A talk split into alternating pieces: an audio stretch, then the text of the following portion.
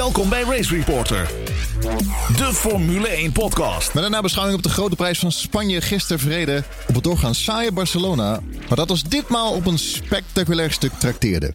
Welke bijzondere statistieken werden er deze race bij elkaar gereden? Max Verstappen won zijn 24e Grand Prix, waarmee hij op gelijke hoogte komt als de legendarische Argentijn Juan Manuel Fangio.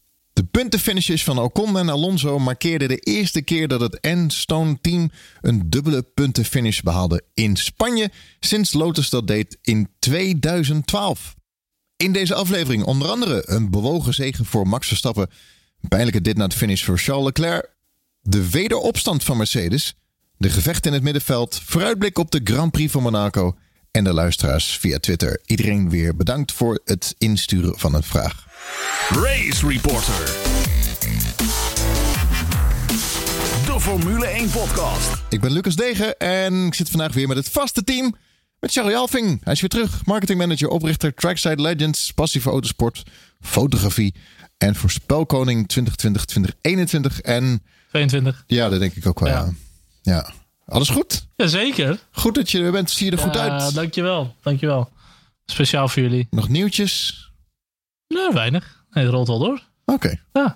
Jeroen Demmenau is autosport, schrijver van onder andere Volgers Magazine NRC en maker van de Green Green Green Indie Pod- IndyCar podcast. Je hebt het er maar druk mee. Nou, dat kun je wel zeggen. Ja, vooral eh, dit weekend met eh volledige programma Barcelona. En dan ook nog de Indy 500 kwalificatie. Dus ehm, ja, mei is altijd een drukke maand. Ja. Eerst dat snoesfest in Monaco. En dan daarna krijg je het, hoofd, krijg je het hoofdnummer. Hoe laat eh, begint hij voor onze Hollanders? Eh, wat zal het zijn? Een uurtje of half zeven doorgaand. eh, Nederlandse tijd. Vorig jaar was, hoe was vorig jaar was het nog best wel spannend, toch? Of was dat niet zo in die 500? Het is ieder jaar spannend. Eh, Ja, het is want het ieder is de Indy 500, eh, Lucas. Ah, oké. Jeroen Schotten is er ook weer. Ja, Volgt hallo. de Formule 1 en MotoGP en maakt draaiboeken. 124 draaiboeken volgens mij al. Nee, dat is niet waar. Iets minder dan dat. Oh, Wel ik- veel. ja. Dank daarvoor. Hij draait zand er niet voor om, hè? Zo jammer. Dus met jou, eh, Lucas. Ja, eh, het kan slechter, het kan beter. Medium. Moeten we jou nog voorstellen? Eh, nee, ga ik nee. Van de, de man zonder mening. Cool. Ja. de race in Barcelona. Wat vonden we ervan? Eh Charles. Ben je er was geweest trouwens, circuit? Jazeker. Ja. Ja? 2011, volgens mij. Het. Oké. En ook de testen, in de testen ben je geweest? Ook nog, ja. Cool. Ja. Wat vond je van de race? Eh, ik vond het voor een Spaanse Grand Prix vond ik het niet, eh, niet heel erg slecht, moet ik Grand zeggen. Prix? Grand Prix? Grand Prix. Ja, toch? Nee, voor de, voor Grand de, Prix. voor de Grand Prix van, van Spanje. Nee, ik vond het eh, voor, voor de Spaanse begrippen was het toch best prima. Ik vond het eh, drama. Er waren wat spins, eh, wat gedoe bij de start, uh, race-incidentjes, uitvalbeurten, inhaalacties. eh, nou, dat was eh, geen knaller, maar het was op zich wel eh, een voldoende. Gewoon, laat ik het zo zeggen. Ja, helemaal eens. Ik, vond het een, eh, ik heb me uitstekend vermaakt. Ik vond dat er een hoop gebeurde vanaf de eerste, eerste ronde eigenlijk. De laatste 10, 15 rondes die waren dan wat minder. Maar het grootste deel van de race was eh, ja, zeker heel vermakelijk. En verrassend ook. Ja, en toch had ik op een gegeven moment wel zoiets van... Iets, iets, mag wel iets gebeuren, zeg maar. Eh, en dan, Ja, safety car is dan altijd weer een beetje jammer op te moeten hopen, zeg maar. Maar ik had wel zoiets van, er mag wel even wat, eh, wat, wat extra actie. Maar goed, op zich. Ja, eh, dat had ik bij, de, bij het eind, bij de laatste bediend. 10, 15 rondes. Je zag ook een beetje hoe het zich ging ontvouwen natuurlijk op het eind. Eh, maar ik moet eerlijk zeggen, kijk, we hebben de Spaanse snoers altijd wel gezien. Dat is natuurlijk jarenlang eigenlijk sinds eh, ja, maar, eh, Verstappen in 2016. Dat was een aardige wedstrijd. Eh, maar race technisch gezien was hij ook niet heel erg bijzonder of zo. Nee. Eh, maar dit was best een, eh, dit was toch wel een leuke race waarin verrassende dingen gebeurden. Eh, ja, ik heb het wel eh, vermakelijk gevonden. Jeroen Schotten? Nou ja, Eh, en Demmendaal, natuurlijk ook. Nou, zullen we de Demmendaal van maken? Ehm, nou ja, we hebben doorgaan natuurlijk ook gewoon eh, nu een derde team, wat toch een beetje er tegenaan zit te hikken. Eh, en dat is toch al wel echt hele lange tijd ge- eh, geleden. Dus eh, het feit dat iemand als George Russell eh, nu ook natuurlijk geholpen door de uitvallen van Leclerc ge- eigenlijk wel langzaam maar zeker een beetje mee begint te doen om de wereldtitel. Ja, dat vind ik toch wel gewoon erg interessant. Als je ziet Sergio Perez, die staat geloof ik nu exact één overwinning achter op, eh, op Max Verstappen. Dus die doet in principe ook gewoon mee op dit punt. Ehm, nou, ja, na zes races, eh, daar ben ik helemaal niet ontevreden mee. Vraag ben ik kreeg ook nog van Roos Zinnige. Ja. Vraagt, eh, vorig jaar gebruikte niemand de hardste band. Dit jaar alleen een hopeloze Kevin Magnussen. Het leek op een eh, oude 2010 race met alleen options en primes. en leverde misschien wel tactische pitstopspanning op. Hoe kijken jullie naar Pirelli en het bandenreglement na deze race? Ja, ik denk het was natuurlijk een beetje mede door die, door die hele hoge temperatuur. Was, werd het echt een tactische race op het gebied van de banden.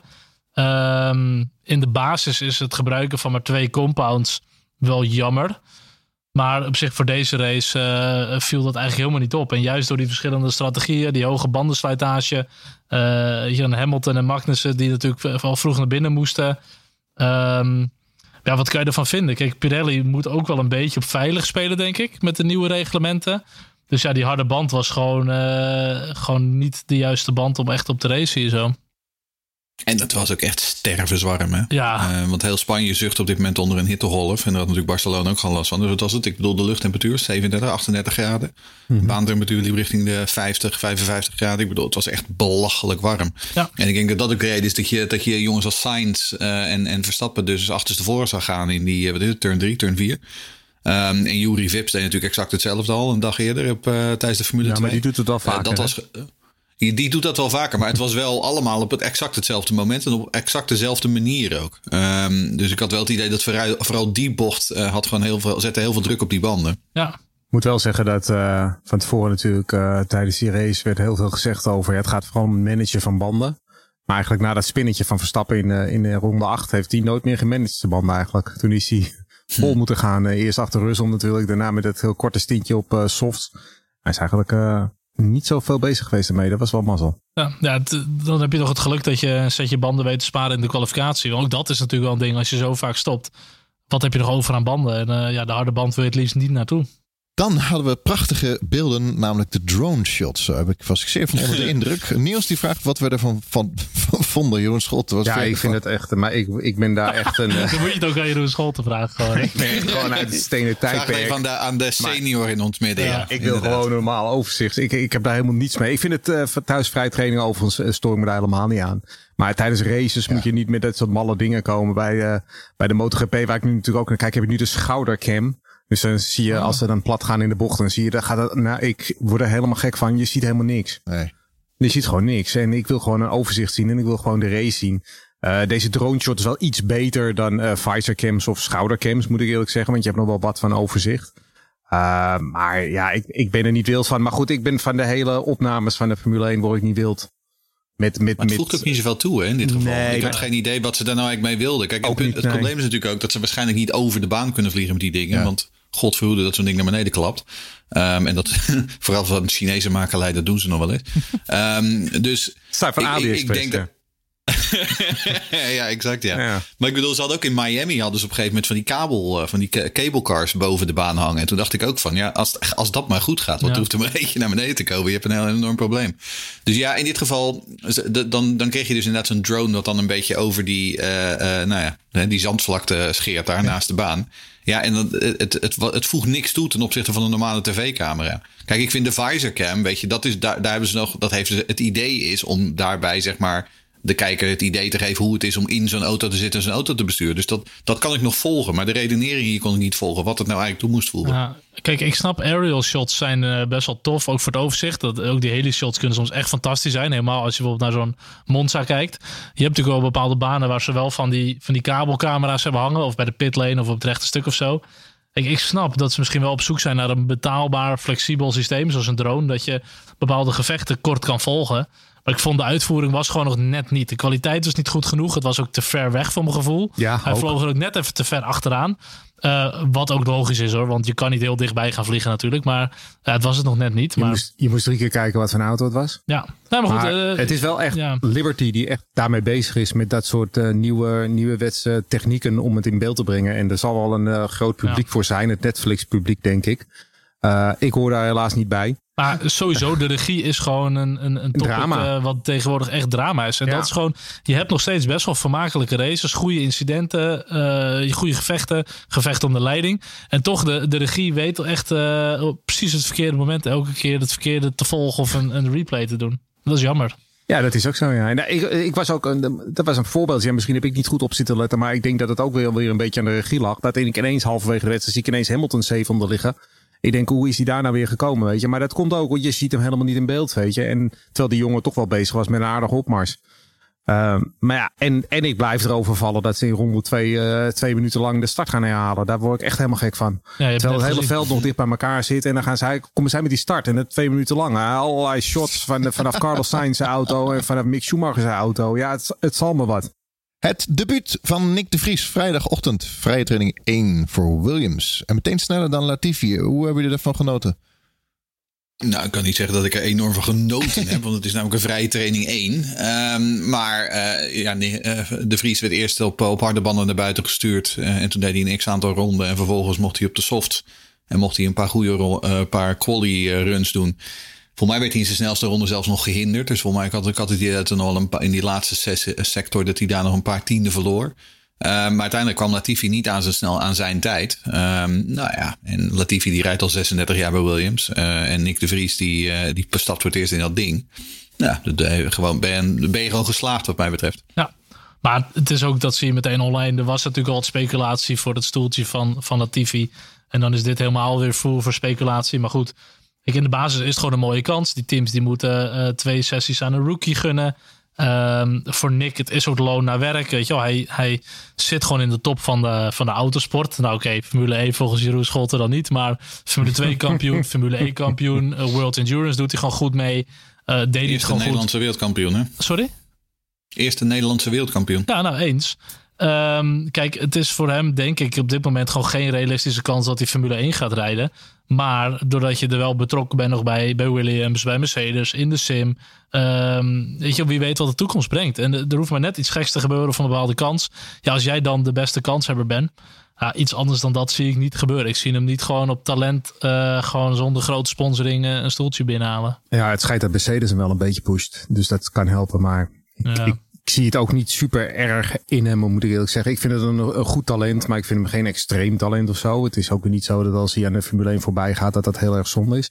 Wat ik wel leuk vond van, eh, van Williams, en dat is dan eh, wat ik wat minder leuk vond bij Red Bull, is dat als zo'n jongen er dan instapt, dan moet je hem niet alleen maar taken meegeven. Ik vind ook dat je hem dan dat laatste kwartiertje, tien minuten, geef hem even soft en laat hem even rijden. Dat deden ze met Vips dus helemaal niet. Die reden dus echt gewoon voor spek en bonen. eh, heeft hij daar data vier seconden te langzaam rondgereden. En, en de Vries kreeg op een gegeven moment van, joh, ga eens even lekker rijden met Even nieuwe pushen. softs. Ja. Ja. en dat vind ik dan wel, als je nou toch zo'n test doet, zo'n rookie test, nou laat dat dan ook nog even gebeuren. Ja. Ja, Maar goed, verder voor Nick, die krijgt nog sowieso één en misschien twee kansen ook bij Mercedes dit seizoen. Dus dat is ook wel weer heel tof. eh en we hadden nog het eh, hele jonge talent Robert Kubica, hè? ja, Hadden jullie wel eens van die jongen gehoord? Nee, Die mag ook een vrij trainingje doen. bizar. Ja, Die gaat nog eens heel groot worden, die ja dat jongen. denk ik ook.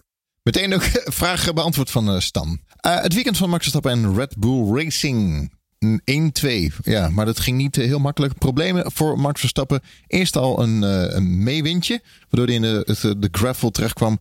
En een kapotte DRS. Ik vond het wel erg grappig dat hij aan, uit, aan, uit op die knop zat te rammen. Ja, het een, uit een Nico Rosberg momentje met dat windslaagje. Ja, inderdaad. Ja, die had het op Texas. Waar was dat ook alweer? Ja, dat was voor mij in, eh, op Kota, ja. Kota, dat hij op een gegeven moment ook opeens van de baan ging. En dat was door een windvlaag. Nou, ja, dat was dan nu bij Max Verstappen schijnbaar ook zo. Ja, En Sainz. Sainz. Ehm, En bij Sainz inderdaad. Ehm, al weet ik niet of het bij Sainz daadwerkelijk een windvlaagje was of gewoon weer een gevalletje Sainz. maar ehm, nou ja, wat Jeroen net al zei, hè, eh, daarna was eigenlijk het bandenmanager bij, bij Max Verstappen wel eh, voorbij. En was het gewoon eh, een maximum attack, eh, zoals zijn fans dat graag noemen. Ehm, en dat deed hij natuurlijk prima. Eh, geweldig gevecht met eh, George Russell. Ehm, op een gegeven moment eh, had de raceleiding die, had, die gaf aan dat ze hadden genoteerd dat er een incident was geweest tussen de twee. En toen dacht ik, nou, Niet gezien. mij valt er niet zoveel te noteren. Nee, het was gewoon een uitstekend gevecht. Hard tegen hard tussen twee hele goede coureurs. Ehm, en ja, uiteindelijk hebben ze met een hele agressieve tactiek, want dat hebben ze gedaan. Ze hebben gewoon de aanval gekozen bij Red Bull. Ehm, hebben ze daarmee eh, Max Verstappen naar de kop van de wedstrijd gehaald. Ehm, en natuurlijk, ja, hij heeft al wat hulp gekregen eh, van eh, Sergio Perez. Maar daar is Sergio Perez voor. En dat weet Sergio Perez ook. En daar gaat hij straks ook een heel mooi nieuw be- verbeterd contract voor krijgen. Ehm, dus uiteindelijk, ja, met, met de uitvalbeurt van, van Charles Leclerc ben je dan helemaal spekkoper. Dus ja, dit, is, dit, was prima. Uiteindelijk gewoon een, een keurige 1-2. Ik vond Perez ook wel, eh, hij, hij deed het wel, zeg maar, eh, netjes hoe hij het accepteerde, zeg maar, vond ik. Ehm, en tuurlijk, ik, ik tweette het ook al, maar kijk, nu voel je echt wat het dus is om tweede rijder te zijn. En als het goed gaat, is het allemaal hartstikke leuk. Als je achter Max rijdt, achter, achter Max kwalificeert, als je puntjes kan weghalen van de concurrentie of als Max uitvalt dat je kan winnen, dan is het prima. Maar zodra je jou, jezelf moet wegcijferen voor de nummer 1, terwijl jij eigenlijk voor je gevoel op koers ligt om te winnen, ja, dat is het moment, dan moet je echt die bittere pil slikken. En ook op de radio na de race en zo, hij zei ook gewoon tegen de engineer en voor mij tegen Horner van, joh, uh, we talk later, we talk later. Uh, dat vind ik wel netjes. Ja, maar volgens mij was hij tijdens een uitloopronde was hij al aan het bekoelen. Uh, want natuurlijk zoals tijdens de race, hè, in de heat of the moment is het van this is very unfair. Toen dacht ik van, nou ja, je rijdt een seconde langzamer per ronde, dus zo unfair is het allemaal niet. Um, en inderdaad, hij was inderdaad tijdens de uh, uitloopronde was het al, ja, we need to talk. En vervolgens stond ja. hij vijf minuten later voor de microfoon van Liberty. En toen was het al van, ja, nou ja, goed, ben blij voor het team en we hebben gewoon een geweldig resultaat gehaald. Um, hij is wat dat betreft ook gewoon een modeldiplomaat. Um, hij weet uiteindelijk ook wel. Uh, als, als Sergio even rustig achterover leunt, s'avonds met een biertje, dan weet hij het ook wel. Hij is gewoon de nummer twee. Max Verstappen is 99 van de 100 keer uh, de snellere van de twee. Max Verstappen rijdt met nummer 1 op zijn auto, niet Sergio Perez. Dus hij snapt het echt wel. Hij is, die, die jongen is niet gek. Maar ik snap best dat hij in de heat of the moment een beetje frustratie voelt.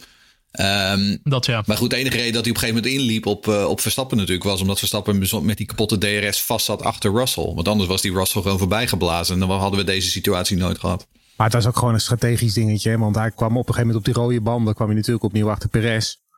Ja, als, jij, als Perez hem daar gaat ophouden, omdat Max er niet langskomt zonder zijn DRS, dan gaat die hele strategie van Max die gaat ja. niet werken. Hè? En dan komt Russell weer terug in de wedstrijd. Dus het was ook gewoon, het moest gewoon. En ik vind op Twitter vandaag heel veel uh, mensen die slaplopen te horen erover. Maar dat staat gewoon helemaal nergens op. Als jij een team runt, dan geef jij hier een call. En anders ben je een slechte teambaas. Ja, ik heb er ook echt nul moeite mee ook. Met, met het feit, want er werd al mensen die zeiden van ja, teamorders nu al zo vroeg. Ja, tuurlijk teamorders. Ja. Kom maar jongens, hoe ja. lang kijken we al Formule 1? Teamorders zijn al zo oud als de Formule 1.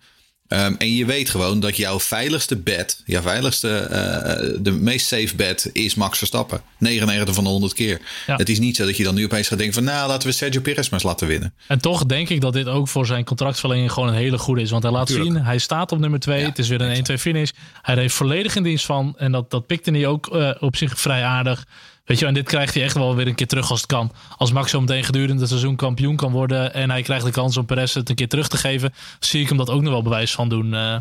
Nou, en sterker nog, wat ik net al zei, hij staat maar nu. Uh, Perez staat één overwinning achter op Max Verstappen. En we hebben gezien hoe onbetrouwbaar die Red Bull nog steeds af en toe is. Want nu is het weer een DRS-systeem wat niet werkt. En uh, ik bedoel, uiteindelijk blijft Red Bull gewoon lekker wedden op twee paarden. Ja, uiteindelijk zal, hè, als puntje bij paaltje komt, zal Max Verstappen wel boven komen ja. drijven als de sterkste. Maar stel dat nou opeens die Red Bull van Verstappen opeens uh, uh, een aantal wedstrijden op rij de geest geeft. Dan heb je nog steeds in ieder geval Sergio Perez in de race. Want die staat er gewoon heel dicht achter. Ja, gooide wat in de groepsapp uh, dat er iets aan de hand was voor de start van Red Bull Racing.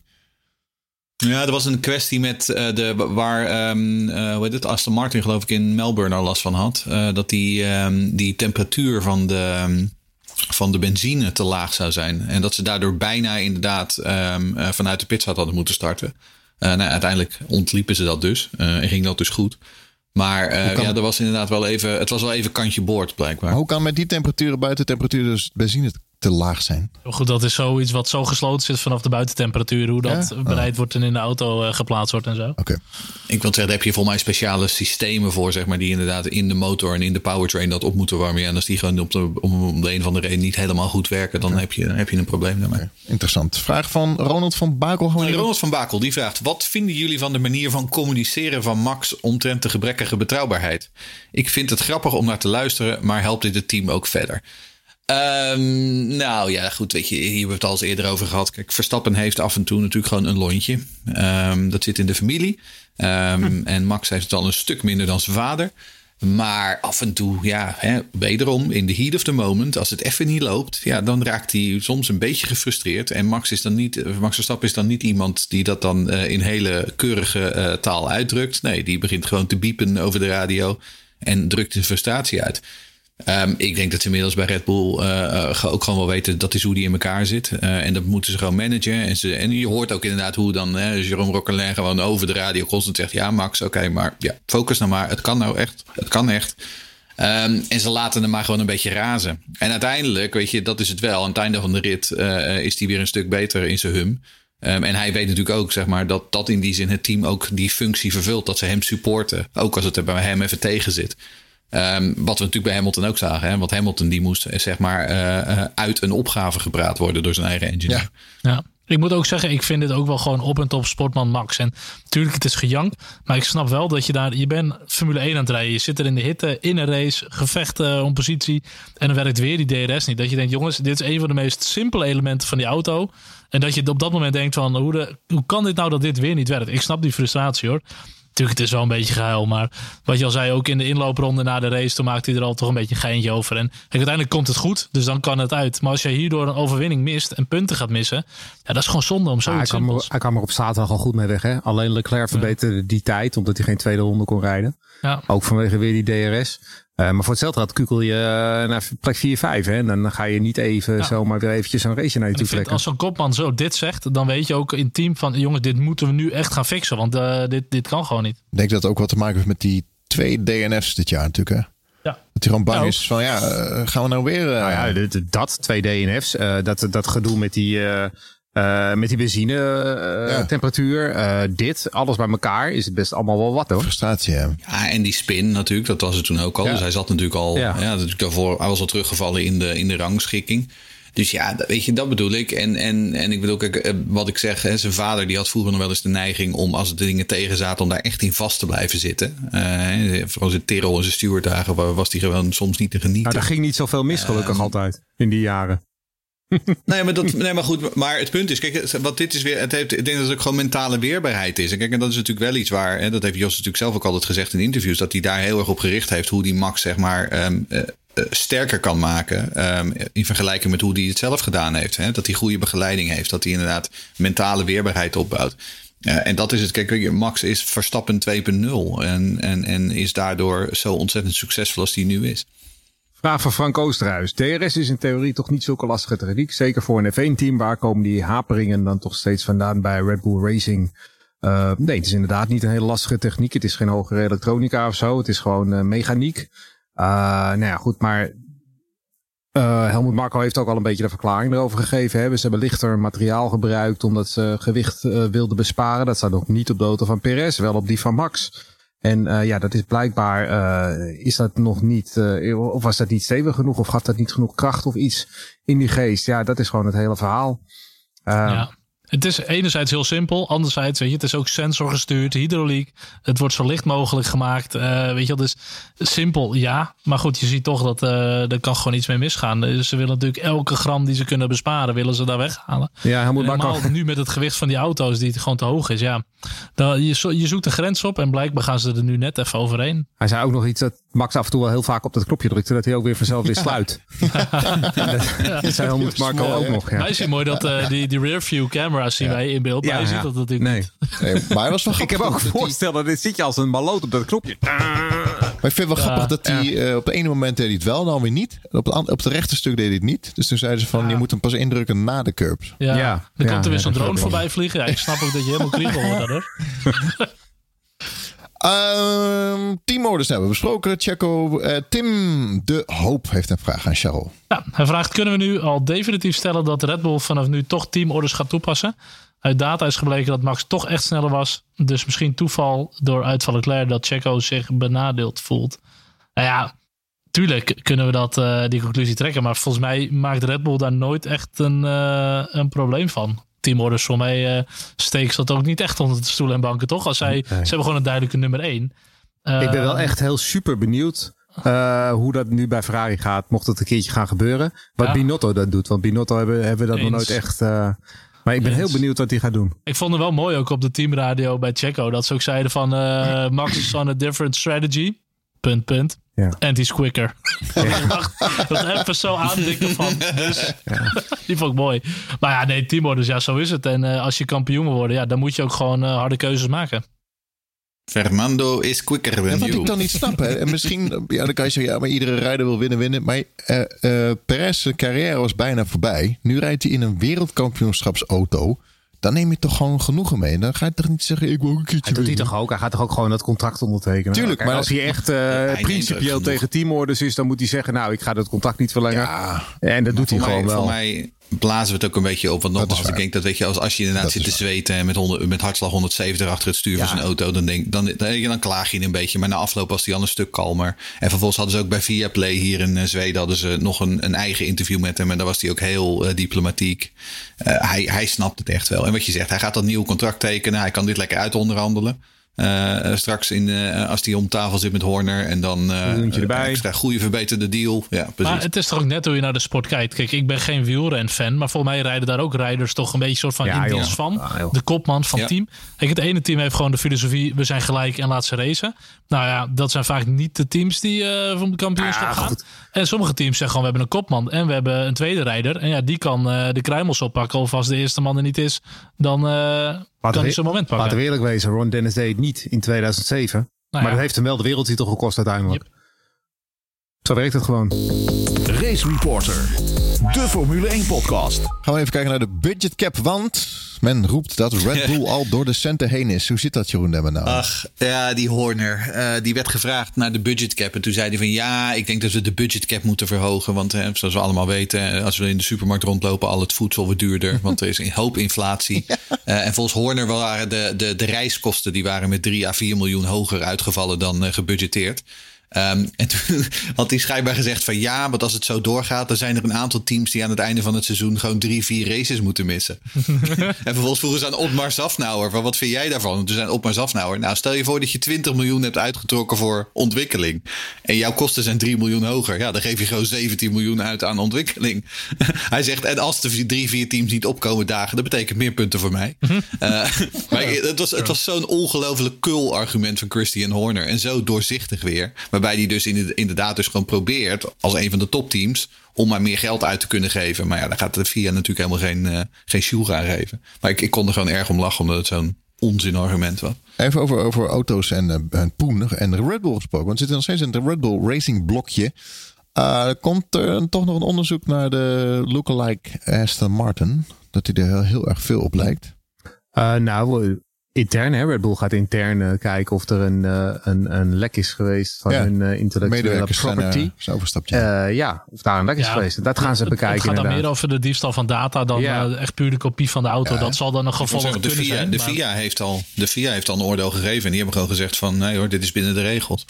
Maar het is Nou ja, natuurlijk wel een discutabel nogmaals, verhaal. Ze hebben hoor. het, Kom op. Ja, tuurlijk. Maar, ze, maar aan de andere kant, ze hebben dat ding nagetekend. eh, en vervolgens reizen ze nog steeds twee seconden Ja. langzamer. Dus Ja, het is ook wel echt weer typisch het geval van iemand die vroeger op de middelbare school jouw huiswerk kopieerde. Maar het dan een Ja. beetje net niet helemaal goed kopieerde. Volgens mij dan dat overtrek, acht en dan eh, haalde zij een zes. dat overtrekpapier was echt een aanbieding daar volgens mij. Zal er wat vinkjes over toe van... eh, Ja, maar ik, vind- ik, ik moet eerlijk zeggen, ik vind het wel. eh, kijk, dit is gewoon de tweede keer dat ze het nu doen, hè, eigenlijk.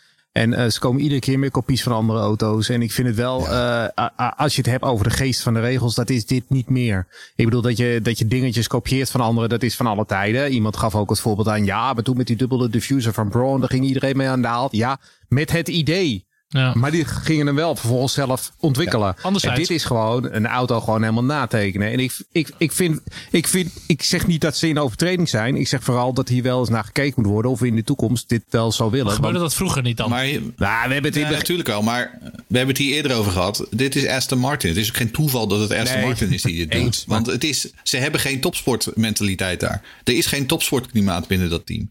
Het enige wat ze kunnen doen, inderdaad, is inderdaad maar oh, eens kijken of we Leentje Buur kunnen spelen bij, eh, bij, eh, bij de meest succesvolle teams op de grid. En wat je dan krijgt, inderdaad, is een soort halfbakken eh, kopie.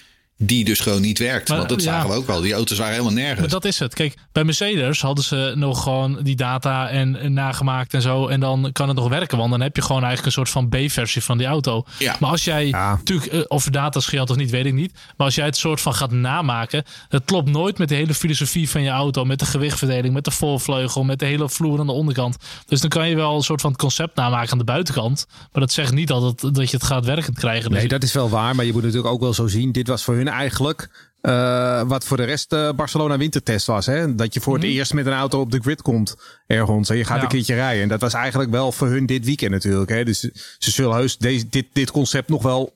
Dit, Ja. Er komt wel wat gang in Maar uiteindelijk. ik vind als je visueel een auto aan de buitenkant ziet en je gaat hem zo namaken. Ja, ik bedoel, dat ga je toch niet tegengaan.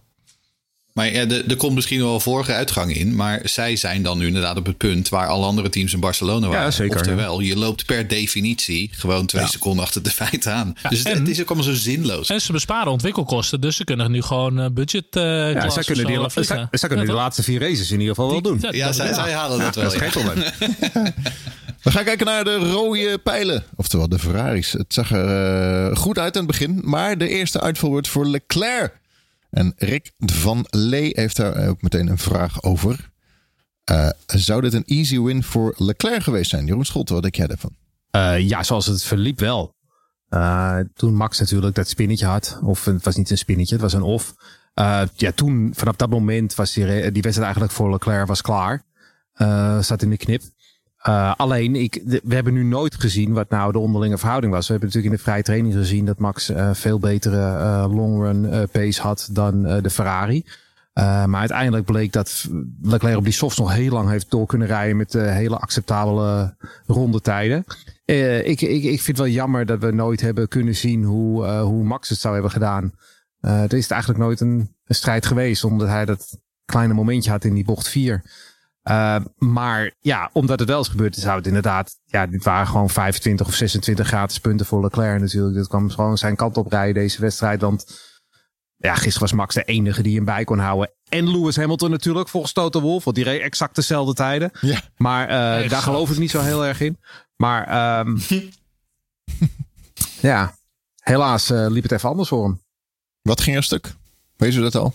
Eh, nou, wel iets met de motor, maar ik heb er niet. eh, ik dacht iets met de turbo, maar ik, ik heb het eigenlijk niet. Ik heb er verder niet meer aandacht aan besteed. Maar is het tegenwoordig dat als Maar het ik- stuk hij gaat... wel dat- een. Het was zijn tweede power unit was dit, hè? Dus als dit weer wat wordt en als hij inderdaad weer een onderdeel moet vervangen, zit hij op zijn laatste. En de Alfa die er natuurlijk ook stuk ging. Dat Alfa is ging ook eh, discutabel. Ja, van Sue ging inderdaad stuk, inderdaad. Ja. ja.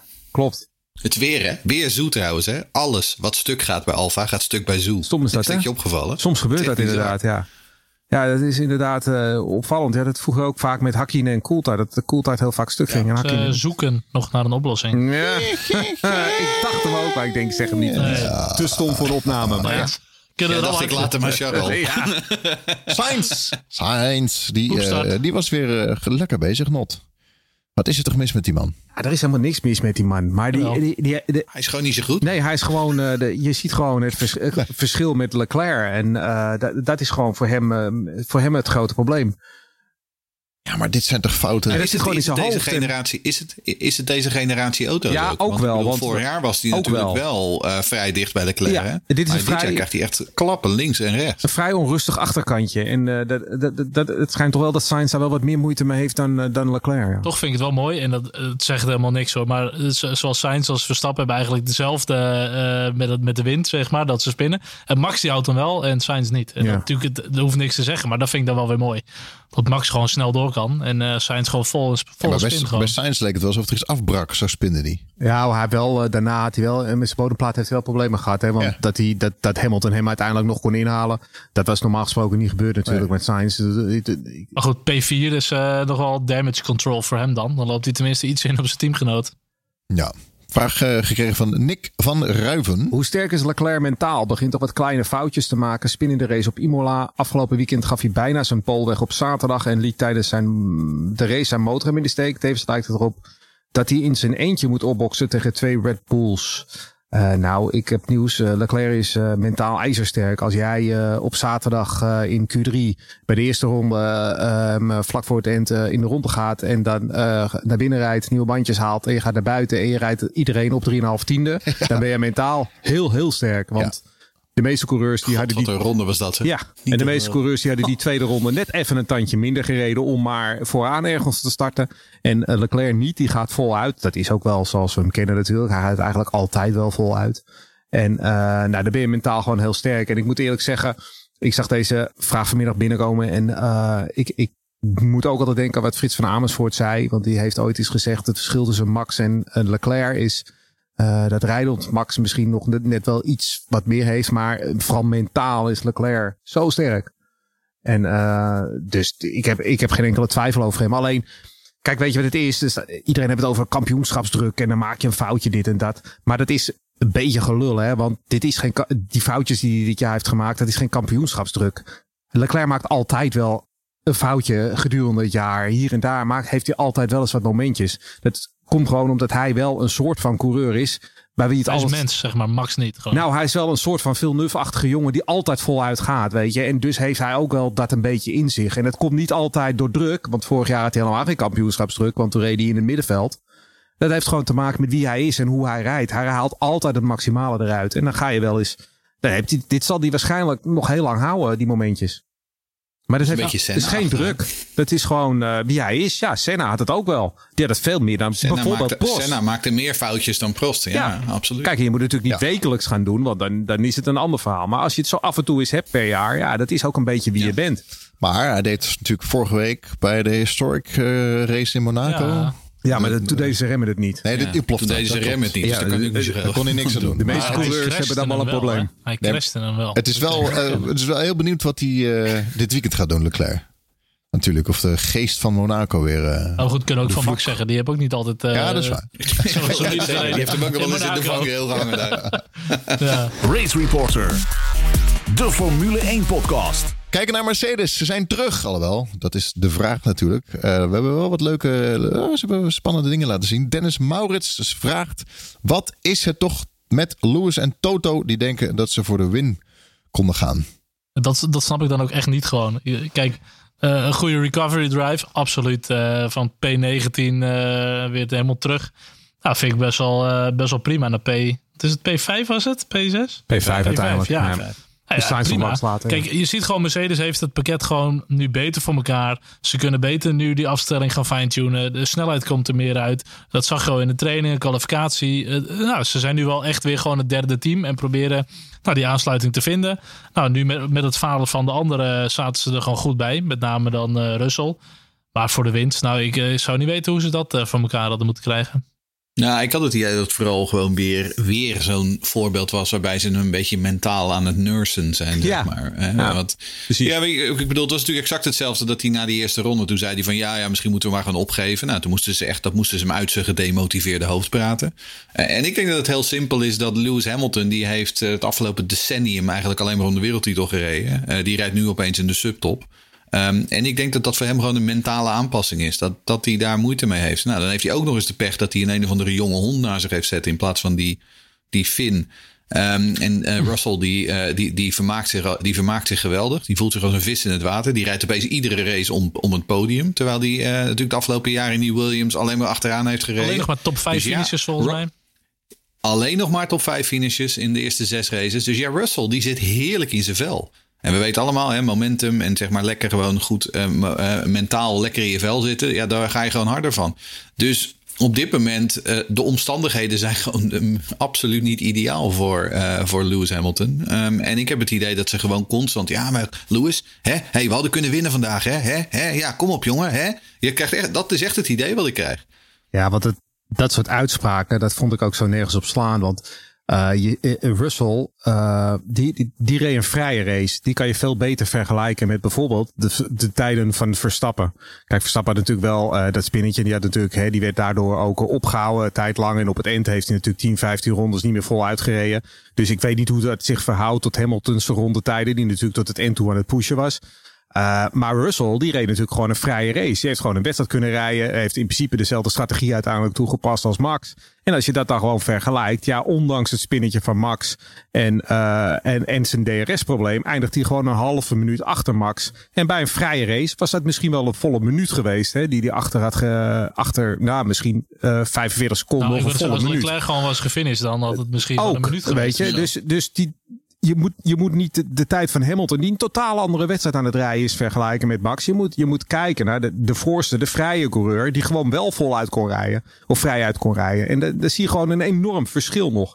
Maar wel moet ik zeggen dat Mercedes, ja, die komen wel weer terug in dit seizoen hoor. Die auto die is nu, die mag nu wel naar de goede rijhoogte. Of die kan nu wel. En dat komt wel Goed, op gang. eh, na twee, drie races dachten we ook, Max gaat geen kampioen meer worden dit seizoen. En Mercedes die gaat eh, helemaal niks meer presteren. Nou, drie races later eh, staat Max eh, Ja. op P1. En eh, Mercedes komt er ook heus alweer aan. En dat kan je ook niet van alle andere teams zeggen als je naar de McLaren kijkt. Of eh, sommige teams komt het er echt totaal niet uit gewoon. Nee, maar ze hebben het bij Mercedes natuurlijk al vaker gezegd. In principe geloven wij in het concept dat we hebben. En uh, alleen, uh, ze, krijgen, ze kregen natuurlijk die poppersing probleem. Waardoor ze natuurlijk die, die rijhoogte moesten ja. aanpassen. Maar nu zie je gewoon, nu ze dat niet meer hebben, dat het gewoon naar voren komt. En nu kunnen ze ook aan de snelheid gaan werken. Dus ik heb er wel vertrouwen in dat zij wel weer wat mee gaan doen. En eigenlijk, nou, wat Jeroen ook vorige keer zei, dat is wel leuk hoor, met drie teams. Ja, lachen. En ze staan nog steeds gewoon echt afgetekend derde. Hè? Want ik bedoel, het gat naar McLaren ja, ja, ja. is enorm. En als je kijkt, de achterstand op Ferrari is eigenlijk helemaal niet zo groot op dit moment. Op Red Bull ook niet, ik dacht. En op Red Bull ook niet. Dus in die zin. Um, kijk, en het zou best kunnen dat ook. Hè, want Hamilton hebben we ook wel eens vaker gezien. Uh, dat hij met name de tweede helft van het seizoen echt heel, heel sterk is. Als hij dat weer een keer doet, ja, wie weet uh, wat hij uh, in de tweede helft van dit seizoen nog voor elkaar weet te boksen. want hij heeft nu, geloof ik, 28 punten achterstand op Russell. Um, ja, nou ja, goed. Volgens nog doet Russell, die is uitstekend begonnen in het nieuwe seizoen. Maar Hamilton is natuurlijk nog niet down en out. Nee. Oh, sowieso hebben we het wel slechter gehad na zes races hoor, qua stand in het kampioenschap. Oh ja, ja absoluut. maar je krijgt natuurlijk wel het moment nu dat Mercedes wel uh, op eigen kracht voor die andere teams moet gaan eindigen. Want anders wordt het wel een lastig verhalen. Je kan niet alleen, ja, maar, dat... je kan niet alleen maar gokken op uitvalbeurten van anderen. Je moet, je nee, moet nu wel echt al, gaan, dat momentum gaan draaien eigenlijk, wat ik al in onze appgroep zei gisteren, eigenlijk voor, voor, de, voor de neutrale toeschouwer was een overwinning van Russell gisteren het beste geweest. Ja. Want dan had je echt drie, ja. uh, um, drie pretendenten voor de titel had.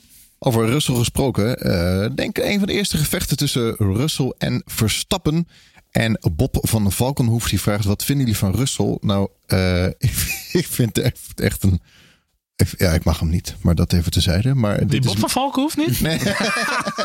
gast, dat is wel leuk op Twitter nee, en zo. Ja, vorig jaar die tweet van Russell over, dit is unacceptable. Ja, dat, maar goed, uh, hij bedoelt natuurlijk meer, wat vinden wij van zijn rijkwaliteiten? Is zo'n uh, positie in het kampioenschap puur eigen kunnen of iets te veel gelukjes, Sjouw?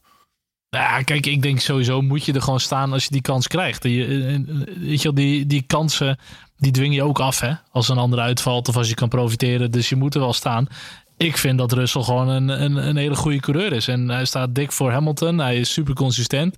Hij is snel. Het is niet alleen maar meer Mr. Saturday.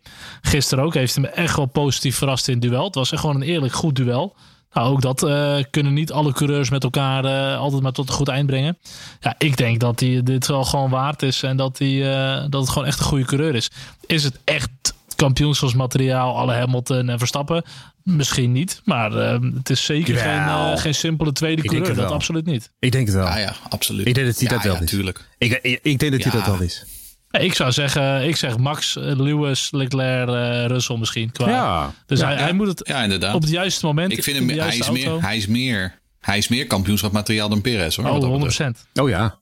Oh ja, ook meer dan Norris. Um, dat zijn de meeste. Kijk, en, en, heeft hij gelukjes gehad? Ja, hij heeft gelukjes gehad. Ik denk dat hij vooral in Melbourne had hij, had hij echt een geluk met, die, met een moment waarop die safety car viel. Maar wat je vervolgens dan ook ziet in Miami, dan merk je dat hij, hij leert daarvan. En hij denkt dus, Miami, stratencircuit, nou weet je wat, er zou nog wel eens een safety car kunnen komen. En dus gaat hij daarop gokken.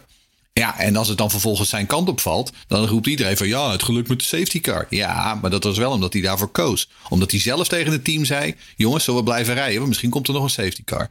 Dus Um, hij, hij, doet het uitstekend. En ook nu hè, in Barcelona, als je kijkt in de kwalificatie, hij staat er telkens net weer voor. Hè? Want Hamilton ja. staat er altijd net achter. Dus hij, hij, hij, je, moet er ook, je, moet het ook gewoon, uh, je moet het gewoon leveren wat dat betreft. En dat doet hij. Dus nee, ik vind dat hij echt ook, uitstekend begonnen is. Um, dat, uh, en, en ja, Hamilton race, dat, uh, Hamilton de gaafste uh, tijd of zoiets. En toen zei hij van, is dat naar Russell of is dat naar de nummer 1? Zo nee, dat is naar Russell. Toen zei hij ook, ik wil alleen de, de 1 weten. Ik wil niet weten wat Russell doet. Ik wil gewoon focussen op de beste, zeg maar. Volgens mij uh, want dat duel met, met Verstappen vond ik echt een heel leuk duel. Ja. Maar volgens mij verraste die Max ook. Want Max had hem in principe in de binnenkant al te pakken. Ja. En volgens mij had Max nooit meer verwacht dat Russell aan de buitenkant zo diep zou remmen. Uh, ik denk dat hij echt een beetje verrast was. Ik was zelf ook inderdaad verrast. Ik dacht ook dat Max hem had hoor, moet ik eerlijk zeggen. Ja. En dat deed, deed hij echt heel knap.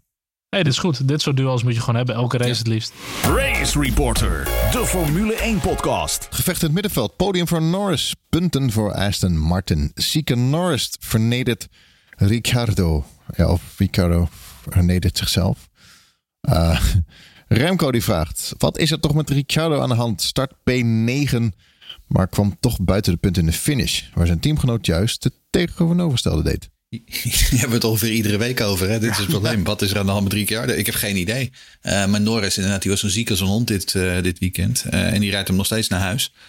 Um, ik, ik, ik, heb geen idee. Ik, ik, ik weet niet wat er met, die, wat er met de oude Ricciardo gebeurd is. Um, maar sinds hij naar McLaren overgestapt is, is het helemaal niks. Um, en ik weet niet waar dat dan ligt. Dus ik, ik, ik, ik, zou, ik zou graag een antwoord willen geven, maar ik weet het niet. Ik denk dat hij het zelf ook niet weet. Ja, ik denk dat niemand het weet. Ja, die is natuurlijk een beetje, wat ik al zei, in een Netflix-serie terugkomen.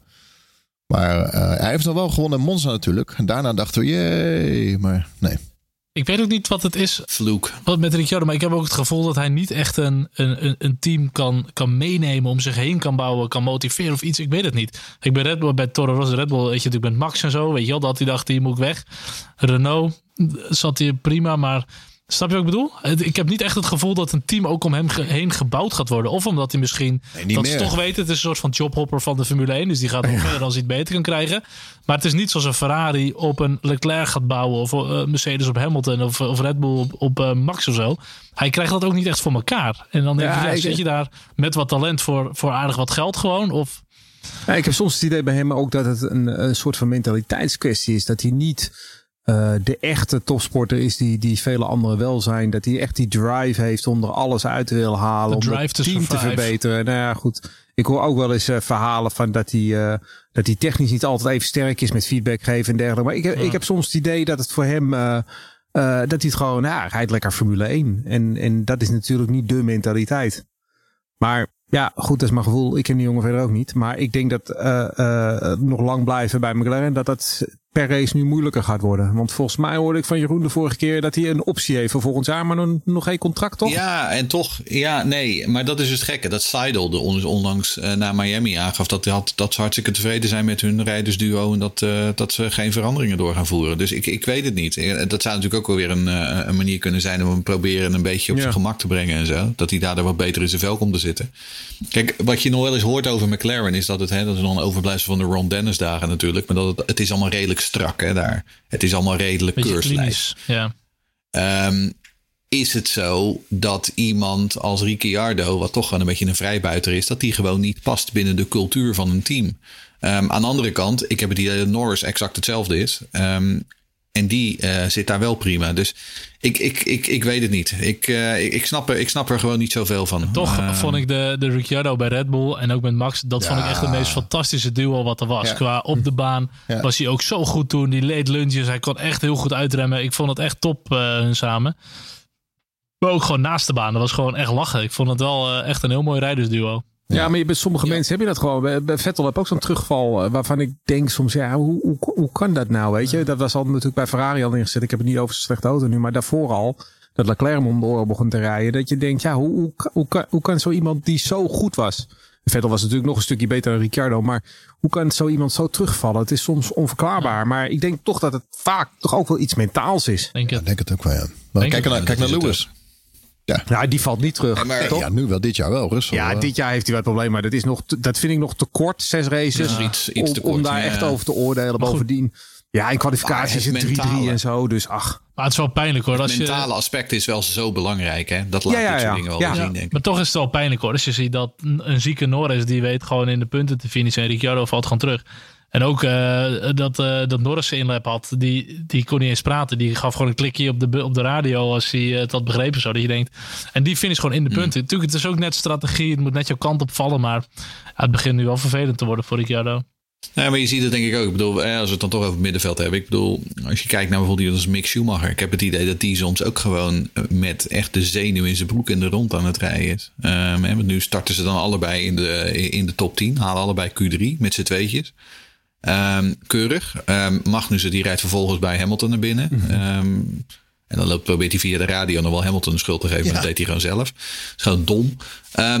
en voor mij, voor mij maakte ik in onze appgroep wel nog de grap van... nou, ik ben benieuwd hoe Mick elfde gaat worden. weinig en dus ik geloof dat hij had, En dat viel nog mee. Want uiteindelijk werd hij geloof ik 14. Ja, ja. Weet je, en, dan, weet je, en dan is het in dit geval weer een tactische... Uh, we proberen ze een twee-stopper te doen. En dat werkte niet helemaal. Toen moest hij uiteindelijk toch weer nog een keer extra naar binnen het is allemaal. Het is het allemaal weer net niet. Weet je, dat is ook. Bij Mick heb ik gewoon het idee. Die jongen zit niet lekker in zijn vel. Natuurlijk die verschrikkelijke klappen in Saudi gehad, zeg maar. En, en de hele tijd natuurlijk ook gewoon die, die, die, hoe heet het, die achternaam uh, op zijn schouders. Maar ook Mick vind ik dan te zacht. Ook die hoor je dan op de radio van... Oh, jammer. eh, eh, we blijven het proberen. Ja. De- ons, onze kans komt toch wel. Dat ik echt denk, nee, zeg gewoon verdomme. Hier hadden we punten moeten pakken. We hebben het laten vallen, weet je wel. Je start in de Ja. punten. Er vallen twee man voor je weg. Wat heb je dan misgedaan dat je op P14 eindigt... in een race waarin eigenlijk niks mis is gegaan, zeg maar, weet je. Ik denk, dat moet niet kunnen. Maar ik denk dat die, die, die mentale weerbaarheid, denk ik, vooral als je in dit middenveld aan het rotzooien bent, is denk ik heel erg belangrijk. En ik denk dat je wel bijvoorbeeld, als je kijkt naar de Alpine, weet je, die hebben Ocon en Alonso. En dat zijn toch wel gewoon twee persoonlijkheden. Eh, die toch allebei gewoon een beetje die fuck you mentaliteit hebben. En dat gaat soms ook fout, hè. Maar ik bedoel, hè, want nu sco- scoren ze met z'n tweeën, halen ze allebei punten. Eh, eindelijk Alonso een keer weer, zeg maar, dat hij gewoon eh, execute. Ondanks dat hij natuurlijk met die van achteren moest starten. Die trouwens ook gewoon een hele goede wedstrijd reed. Ehm, ja, en dat, daar heb je dan zeg maar in dit soort hè, middenveldgevechten... heb je daar wel echt een voordeel van, denk ik. Ja. Kijken we naar de best of the rest. Bottas, die was weer lekker bezig. Ja, ja. Blijf maar, blijf maar gaan. Hè. Ja, wat, ik, eh, wat ik net al zei, kijk, bij Zoe eh, gaat alles stuk wat, wat stuk kan gaan. Dat gaat bij hem stuk. Dus ik moet wel zeggen, Zoe heeft een heel erg eh, moeilijk be- begin van zijn debuutseizoen. Ik kan hem ook nog niet zo goed inschatten. Want ik bedoel, in de kwalificatie is hij me af en toe, dan heeft hij wat uitschietertjes. Maar ja, doorgaans toch gewoon nog steeds wat minder, nog aan het leren. Maar het zit hem ook gewoon echt niet mee. Maar als je kijkt naar Bottas, ja, die is wel echt herboren, heb ik het idee. Die, eh, die zit daar prima. Ehm, en we dachten allemaal dat het een soort Kimi Räikkönen verhaal zou worden. Waarbij die gewoon, nou ja, Kimi Räikkönen die rijdt een beetje er rond en af en toe wordt hij eens tiende. Eh, maar Bottas, eh, die heeft nu bijna 40 punten al eh, binnengeharkt. En ehm, ja, die auto is voor mij gewoon goed. Gaan we naar Yuki. Ja, nou, Yuki, puntje, toch weer. Ehm, ik moet wel zeggen, ik weet niet waar Gasly bij bezig was dit weekend. Maar ik bedoel, daar ging toen, geloof ik, op vrijdag van alles en nog wat stuk. En toen was het eigenlijk het weekend al voorbij. Ehm, maar Yuki, eh, ja, die heeft zich eh, goed naar voren gewerkt. Ehm, een aantal, eh, aantal plaatsen, eh, puntje weer. En dat is ook weer iemand hè, die natuurlijk vooral vorig jaar natuurlijk het heel erg zwaar had. Een aantal keer. eh, en daardoor ook gewoon mentaal wel een aantal keer eh, heeft geworsteld. Flinke schades. Ja, maar die zullen ze bij Red Bull toch op een gegeven moment ook wel gewoon in een soort van eh, begeleiding, eh, strak begeleidingsprogramma hebben gezet. En eh, ja, langzaam maar zeker begin je toch het idee te krijgen dat die, ehm, dat, dat effect begint te hebben. Want al die, al die schades inderdaad, al die dikke crashes, die zijn er wel echt uit. Ja. Dat, dat zie je eigenlijk niet meer. Ja, soms inderdaad ehm, eh, zie je inderdaad dat er gewoon niet zoveel tempo in zit. Maar ik heb ook het idee dat die Alfa Tauri gewoon geen makkelijke auto is. Zeker niet vergeleken met voorgaande jaren. Ehm, maar ja, nee, Tsunoda is best degelijk, vind ik, dit seizoen. Ik moet toch echt een beetje, een beetje wennen nog aan die rangorde of zo, weet je wel, van de teams ook. Met kijk, Williams die is gewoon slecht en dat is slecht gebleven. Nou, dat is prima. Red Bull deed goed, die blijft goed. Maar toch bijna alles daar een beetje tussenin en zo. Ik vind het toch soms wennen. Het is inderdaad Valtteri die met, met Alfa helemaal vooraan meevecht. Maar eh, die, die Aston Martins die niet gaan. Alfa Tauri die ook helemaal niet goed gaat. McLaren die het totaal laat liggen ook en zo. Dan denk ik, eh, er ligt echt veel te winnen voor teams. Want dat middenveld zit nog best wel dicht bij elkaar. En het fluctueert een beetje, maar...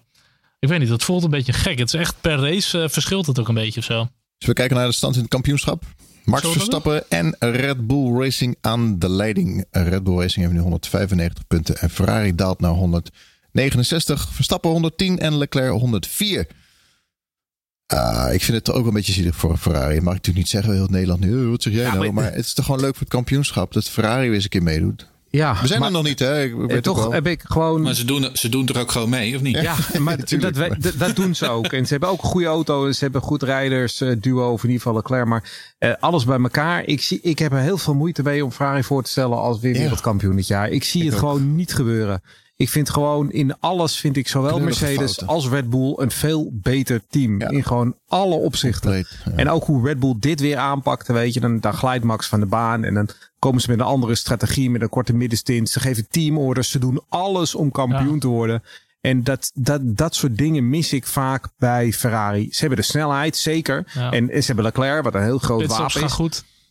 En pitstops gaan altijd goed op de, zeker degene die moeten. Ja. Die gaan goed. En eh, ik, ik heb er heel veel moeite mee om, om me voor te stellen over een aantal maanden Ferrari wereldkampioen is. Ik geloof dat niet. En ik geloof ook dat, dat Max eigenlijk eh, het meeste moet vrezen van Mercedes. Ja, denk ik dat, ook. dat is Nou, mijn gevoel. Het, het grappige is dat ik eigenlijk tot dit weekend dacht ik van, ik zie het wel. Want Ferrari heeft gewoon die betrouwbaarheid. Ze hebben Leclerc en er zit toch wel een hoop snelheid in die auto. Hè? En dat dan gecombineerd met het feit dat die Red Bull nog wel een stuk gaat. Maar toen ging opeens die Ferrari stuk van Leclerc. Ja. En toen dacht ik, ja, ja, nu, wordt ook, nu, zijn ze, nu zijn ze die trumkaart toch wel een beetje kwijt. Ja, en dan, dan weet ik het nog helemaal niet.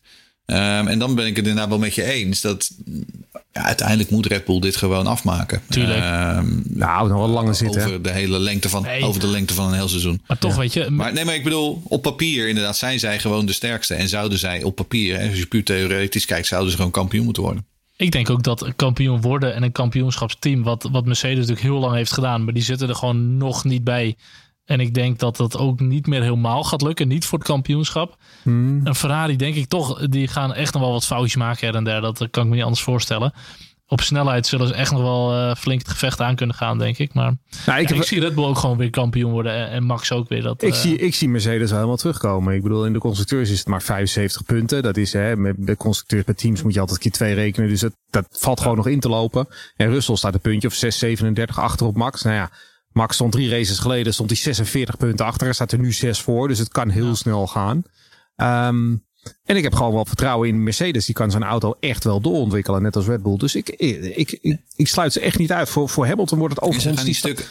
en ze gaan, nou stuk, ja, Hamilton ging bijna stuk, maar toch weer net niet inderdaad. Ja, bijna. dus je hebt nog steeds allebei. Ze, allebei. Maar goed, dat is een, klas, Ja, dat is een eh, klassiek Mercedes-probleem, hè? Oververhitting. Dat hadden ze Ja, natuurlijk, in het verleden al gezien. En En, het was wel echt heel warm hier. ook. Ik moet wel zeggen, Hamilton die staat op dikke 60 punten. Met veel mensen ertussen. Dat begint wel echt heel lastig te worden nu hoor. Dan moet je eigenlijk nu wel echt beginnen met races te winnen. Want anders dan, dan ga je dan dat moet je niet nu meer naar keren. race gaan winnen. Ja, nee, wat ik wil zeggen, dan moet je nu dus de regie overnemen Ja, binnen het team ja. ook. Want op een gegeven moment gaat ook Mercedes denken van ja, eh wat, wat Russell die blijft nu constant 4, 5, 6, 7 puntjes uitlopen iedere race. Eh, inmiddels is het 28 punten. Ehm, ja, op een gegeven moment eh, ga je dan inderdaad gewoon een werkelijkheid op de baan creëren. En dat is natuurlijk, en dan komen we weer terug op de Verstappen-Perez eh, kwestie. Ja, als Perez echt gelijke behandeling wil hebben, dan moet hij dat op de baan laten zien dat hij dat verdient. En dat, dat heeft hij natuurlijk nooit gedaan. Maar ik, ik, eh, d- dit jaar wordt weer, mijn zinziens, net als vorig jaar, wordt gewoon weer echt een, een geweldige WK-jaar. Ik, ik geloof nooit dat Red Bull hier nu weg gaat lopen. Ik heb ook heel veel moeite, maar dan komen we zo op met Red Bull op Monaco. Ik geloof daar niet zo in. Ik denk dat Red Bull echt weg gaat lopen. Of eh, niet echt weg gaat lopen. En dat dat gewoon wel spannend gaat blijven. Ja. En vooral ook met die budgetcap. Hè. Dat gaat ook Ja. nog een rol spelen in de tweede helft van het seizoen. Toch vind ik het wel mooi. Je ziet wel echt duidelijke kopman ook per team al. Kijk, Red Bull hebben het sowieso een kopman. Leclerc die gaat gewoon echt goed. Russell die gewoon voor Hamilton staat. Maar als je dan een Norris ziet of een Bottas die eh, bijna alle punten heeft voor Alfa. Ocon. Eh, Alonso nog maar vier puntjes. Ik vind het zo leuk Nou ja, voor Bottas. wel- je ziet wel echt duidelijke kopmannen bij de meeste teams. jij brengt het nu Ja, ik aan, vind ook maar wel- ik zei daarnet van ik ben heel benieuwd wat Binotto doet als hij een teamcall moet geven. Maar ik ben vooral heel benieuwd wat Toto Wolff gaat doen. Hè? Want, want ga jij Hamilton, eh, Hmm. ga je die echt al... Poeh, dat is wat hoor. Dat is een ding. Nee, dat denk ik niet. Dat denk Nee, ik niet. Want nee, het gaat ook nee. nu nog niet om de wereldtitel. Ehm, maar nogmaals, als dit zo door gaat zetten. En je staat straks na 12 ronden, na 12 wedstrijden, eh, staat eh, Russell de 60 punten voor. Ja, dan moet je hem toch op een gegeven moment een Ja? beslissing gaan nemen, inderdaad, als je nog wat wil. Ja. Poeh, dat wordt me er een. Hm, Nou ja, gewoon doen. absoluut. Of, nou ja, of als ook Execute. Ocon, als die zo doorgaat, eh, richting eh, vergelijken met Alonso. Als Alonso maar die pechduivels blijft aantrekken. Op een gegeven moment moet je Ocon voor gaan trekken. Als je, weet ik veel, om de vierde plek in 2K aan het vechten bent of zo. Vooruitblik op de volgende Grand Prix. De Grand Prix van Monaco. Herinneringen. Ja, eens even goed nadenken. Hè? Ja, Het wat, wordt eh, echt een spannende mijn, mijn race. eerste, letterlijk mijn eerste herinneringen van Monaco, dat is Bernoldi met Coulthard. Dat is natuurlijk ook Ja. wel een klassiekertje in Oh, Monaco. ja, ja, ja. Dat is een van mijn... mijn ja, met die, met die mooie arrows. Dat vond ik echt Ja. een mooie auto. Dat vond ik wel leuk. Maar goed, ja, we hebben Ja, natuurlijk... ik heb die, eh, de regenraces van 96 en 97. Die Panis. staan bij mij hoog Ja. op. de- ja, Panis in 96 en daarna Schumacher in 97 Schumacher en eh, laatste- Barrichello en de Stewart. laatste die twee moment overstapt in de T-car. Schumacher. Ja, maar die regenraces 96 en 97, waanzinnige wedstrijden. Ehm, We hebben toch nog een keer gehad eh, Schumacher en de Mercedes die pole pakte volgens mij. En toen eh, de Ja. bocht niet meer haalde. Ja. Toevallig. Schumacher met een... eh nee, Coulthard Nee, met een was in de Schumacher Ferrari eh, helm. Was het ook daar? Volgens mij wel. ja, dus eh, 96. Ja. 96. Ja. Nou, Eh, want David Coulthard eh, die had het probleem dat zijn eh, vizier telkens besloeg. En toen eh, kreeg hij een helm van Schumacher inderdaad. Nou, mijn- omdat er ook Marlboro op stond. Mijn eerste herinneringen aan de Formule 1, dat is aan Monaco 84 geweest in de regen. Met eh, Ook een regen. ook een hele bekende race waar Prost uiteindelijk won omdat hij voortijdig werd afgevlacht. Oh ja. Maar, eh, en, 18 of 19? 84. 18 of 19. Toen- In, hoe oud toen? Dat was ik Ja, 34. ik kijk al zo lang al uit.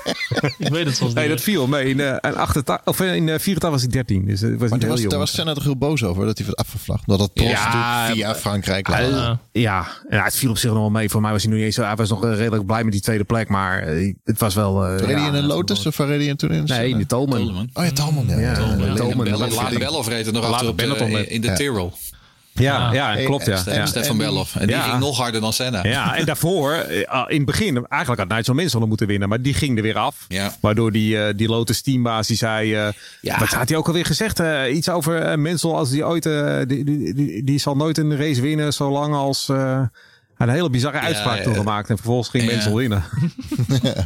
Ja, precies. Ja. Nou, Maar goed, ik bedoel, was natuurlijk 96, was ook zoiets. Hè? Ik bedoel, Damon Hill reed geloof ik een halve minuut voor op eh, alles en iedereen. En toen opeens hield die Renault motor ermee op. Oh, ja, En vervolgens toen had Jean Alesi in zijn Benetton, die reed eh, eh, eh, ruim aan kop. En toen ging daar ook de motor eraan eraan pot. Op, op een baan als Monaco, wat natuurlijk ook heel gek is. Hè? Want het is natuurlijk helemaal geen hoge, eh, geen hoge snelheidsbaan wat dat betreft. Maar Nou, we, we hebben eigenlijk, nu we erover hebben, best nog veel meegemaakt. Die ene Grand Prix waarbij eh Mika Salo niet ging tanken. Panis die won. Hebben we ook nog gehad. eh, dat was 97. Verstappen, Jos dan, die dacht die gaat op uh, droogweerbanden rijden. Ook dat. eh, Verstappen die dacht, ik ga even ook, dat was Grosjean. ook 96. Ja. Verstappen die dacht, ik ga Grosjean even inhalen. Ja. Gruwelijk harde crash. Max, die toch, was dat eh, achter Hamilton aan? Dat hij toen steeds ging inhalen. Dat ja, hij, ja, eh, Vettel, ja, ja, ja. achter Vettel. Dat hij meeging. ja. Dat Dat, hij dacht van, meeging, hé, ja. ik Ja, moet de blauwe ja. vlag. En dan gaan we er zo achteraan zo. Hey, en en eh, Schumacher die in de Schumacher die in de tunnel eh, van zijn gast ging en eh, eh, Hamilton, of nee, Montoya. Montoya. ramde. Ja. Ja, Oh, Ja. een vuile streek is dat. en Jarno Ah, Trulli en natuurlijk een paar jaar geleden hadden we. Ja, Jarno Trulli, zijn enige Grand Ja, Prix ja, overwinning, zeker. 2004. Ja. En natuurlijk een paar jaar geleden die geweldige eh, eh, battle tussen Hamilton en, eh, en Verstappen. Ja, Met. Hamilton, Hamilton op zijn kapotte banden en Verstappen maar proberen om er voorbij te komen. à la ja. Senna en Mansell, Mansell. Senna, À la ja. Senna en Mansell. Hij heeft Ja. voor geblokkeerd wiel Ja, aan de waanzinnig. rechte. Aan En we hebben Ricciardo nog gehad, toch? Met die banden die niet klaar stonden en zo. Ja, en we hebben natuurlijk eh, Overwinning. Alberto Ascari gehad, die dit water in reed. En eh Ricciardo, Ja, ja. met die drop in het water, in het zwembad. Ja, trouwens. Dat was 1834 Ja, toch? zoiets, ja. Op het water Ja. inrijden. Tegenwoordig voordat ze de tunnel ingaan. Daar, eh, daar aan de linkerkant waar Senna ooit dus de eh, vangrail reed. Daar zijn Ja, ze nu een heel 88. dorp aan het opspuiten. 88, ja. Oh, ja. komt een heel dorp. Ja, heel saai is dat. Ja, ze gaan, nieuw, ze gaan nieuw land eh, aanleggen daar. Hè. Ze hebben nieuw land opspuiten en zo, heb ik begrepen. Ja, dat, was, dat, is, gedeelte. dat was ook wel echt een moment dat van 88 van Senna die crash. Dat was wel echt een van de.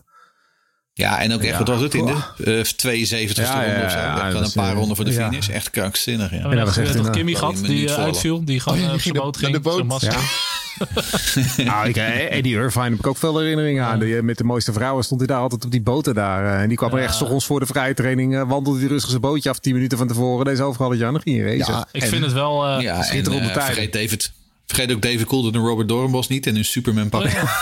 maar kijk, ik vind, qua race is Er het niet... mooie foto's van op. Ja. Qua race is het gewoon niet de meest enerverende. Maar ik vind wel, het blijft toch wel een, een, een, episch. een magistrale Grand Prix. Qua, qua atmosfeer, qua weet je wel, het, eh, de glitter, glamour. En ja, hoe krap het er allemaal is met die pitbox. Ik vind het wel wat hebben hoor. De Red Bull had toen ook dat verhaal toch dat ze een, eh, een kleine diamant in de neus Ja, van de ja, auto hadden. Die Dat was ze de, diamant was, was kwijtgeraakt. Ja, ja. Waar, waar ik nooit eh, ook maar iets van geloofd heb. Maar Nee. dat is een geweldig Ook verhaal. nog de wielgun van eh, Bottas gehad.